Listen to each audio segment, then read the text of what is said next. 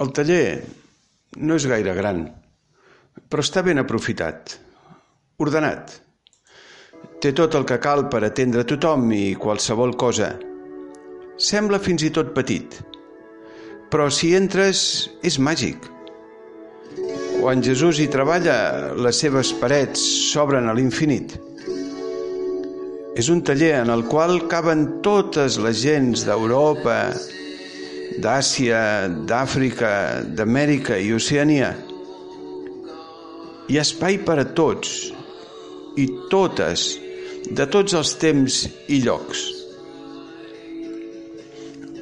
Al final del taller de Josep i de Jesús hi ha una porta misteriosa.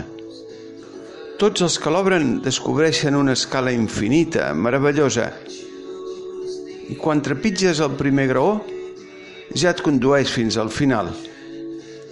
I allà trobes un món preciós, inimaginable, de llum, color, música, un món d'amor que es coneix com a paradís. Tots els que vulguin entrar al taller poden entrar-hi. L'entrada és lliure. I tots poden obrir la porta. Només han de portar a les seves mans algun objecte i esforç per mostrar a l'àngel la seva feina, l'estudi, l'esport, els treballs, les ajudes, les tasques, feta amb amor. Són treballs que ha fregat Jesús. Són objectes i actes que li han ofert. És tot el treball i servei que he fet amb amor. Jesús, el rep de les meves mans, i, i el besa. És el segell per entrar per la porta. Jesús passa 30 anys amagat i treballant per assegurar que la porta no torni a tancar-se, perquè tots els que vulguin puguin entrar-hi.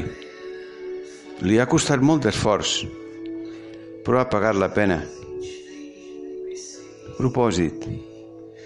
Ofereixo el meu treball a Jesús com un regal és una manera per santificar-lo. Oració. Senyor, concediu-nos la vostra gràcia. Obriu-nos la porta del taller de Nazaret, a fi que aprenguem a contemplar-vos a vos amb la vostra mare, Santa Maria, i amb el sant patriarca Josep, dedicats tots tres a una vida de treball sant es remouran els nostres pobres cors. Us cercarem i us trobarem en la feina quotidiana que vos desitgeu que convertim en obra de Déu, obra d'amor. Amén. Sant Josep Maria.